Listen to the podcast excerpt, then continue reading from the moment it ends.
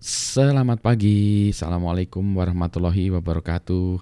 Berjumpa kembali dengan Budi Rajo di Padepokan Budi Rajo Kita selalu mulai dengan ngopi dulu. Bismillahirrahmanirrahim.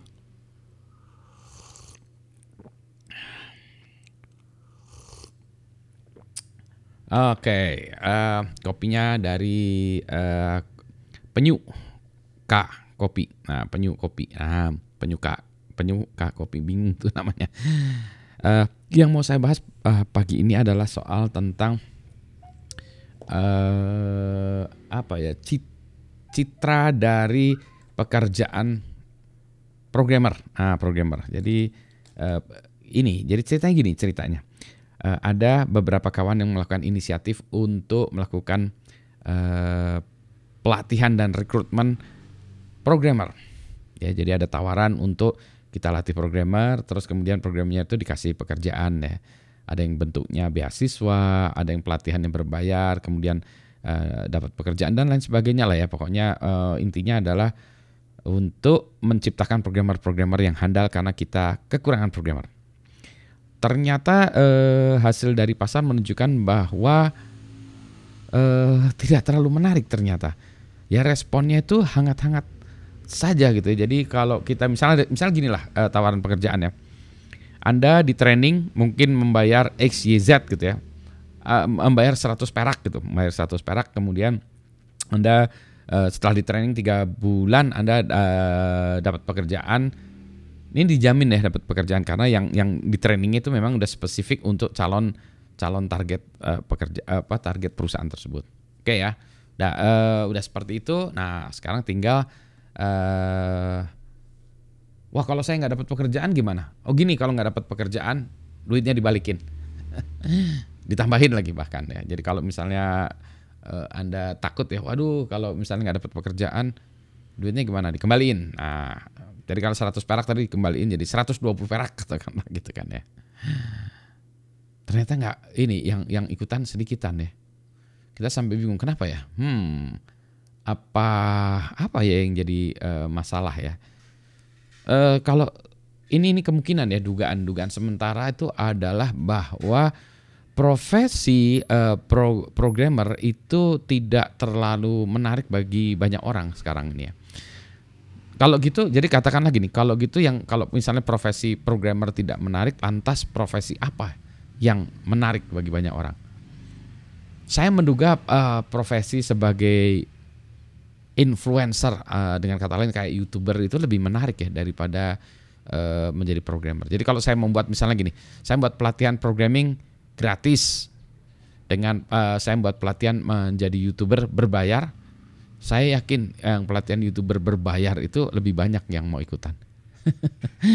ya, karena dalam bayangannya ah programmer tuh kerjanya susah, duitnya nggak banyak. Padahal programmer sama uh, influencer banyakkan duitnya banyakkan in the long run membanyakkan programmer ya.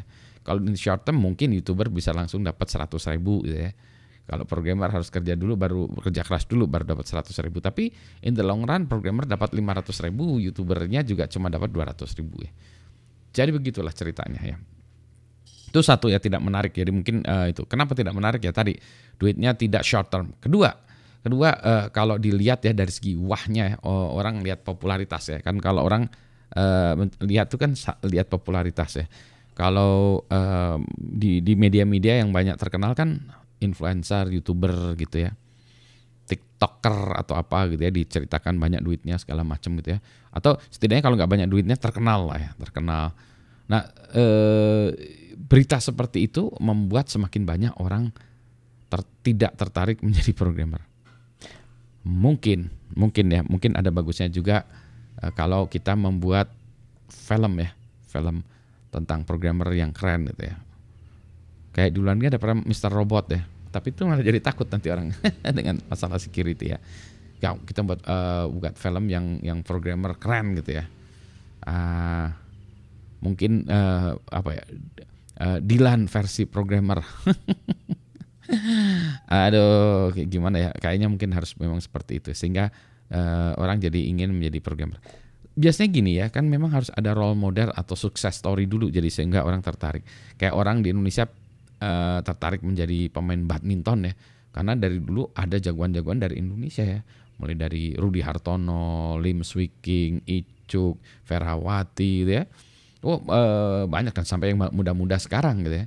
Yang saya cerita yang tua-tua karena saya tahu yang tua-tua yang muda-muda sekarang juga jagoan-jagoan ya. Sehingga karena ada contoh-contoh seperti itulah maka orang pengen menjadi pemain badminton karena dia mereka tahu ya di Indonesia ini kita bisa jadi jagoan badminton. Kalau jadi petinju, hmm, paling dulu kita cuma uh, Elias Pikal ya, uh, yang kelas berat kayak ini nggak ada ya, Muhammad Ali-nya nggak ada, Mike Tyson-nya nggak ada, gitu. jadi nggak terlalu tertarik. Nah demikian juga programmer-programmernya kalau di luar negeri mungkin Mark Zuckerberg gitu ya, orang-orang tertarik menjadi Mark uh, Zuckerberg, Zuckerberg atau Zuckerberg gitu ya um, tertarik, tertarik. Tapi itu kan hanya sedikit sedikit aja orang yang tertarik seperti itu. Nggak nggak banyak yang tahu juga. Itu mungkin dari kelompok techie aja gitu ya. Menjadi Elon Musk gitu ya, jadi engineers yang uh, keren.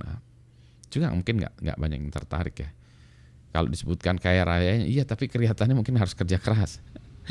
Sementara kalau jadi youtuber kayak saya ini ngecapruk gitu ya, duitnya juga nggak ada. The truth is Eh, saya jadi youtuber atau saya sebagai uh, engineers ya programmer duitnya banyakkan programmer. Realitinya demikian realitas demikian gitu ya.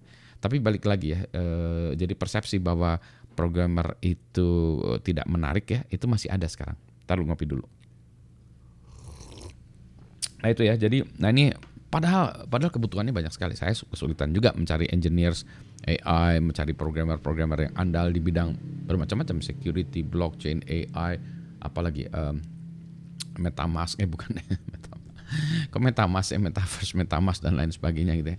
Nggak, tapi uh, uh, benar. Ini ini ada kebutuhan yang tidak bisa kita penuhi sehingga nanti jangan menyesal atau jangan marah-marah ya kalau saya ngambil programmer dari Sri Lanka lah, dari Bangladesh. Kalau India udah kemahalan ya, udah tahu ya orang India jago-jago ya. Gitu ya. Ah, tapi mohon masukan ya gimana cara membuat profesi programmer ini menjadi lebih uh, apa ya di, di digemari atau digandrungi sehingga orang anak-anak pengen oh saya pengen jadi kayak dia jadi programmer. Mungkin harus contohin ya, saya dulu harus keren ya. Budi Raharjo harus kaya raya, sukses, tajir melintir gitu ya baru orang bilang oh Pak Budi apa programmer oh ya pengen jadi kayak Pak Budi lah gitu ya gitu. Tapi ternyata Pak Budi jadi youtuber. Enggak, youtubernya ini hanya untuk menceritakan itu ya. Yang core bisnis saya itu adalah engineeringnya gitu ya. Jadi bukan bukan jadi youtubernya, youtubernya ini mah hanya main-mainannya aja ya. Ini adalah mekanisme saya untuk menjelaskan kepada publik ya. Uh, bukan bukan this is not how I make money gitu ya. Begitu, uh, saya masih pengen ngopi dulu. Habis ini mau ngajar juga. Selamat pagi, assalamualaikum warahmatullahi wabarakatuh.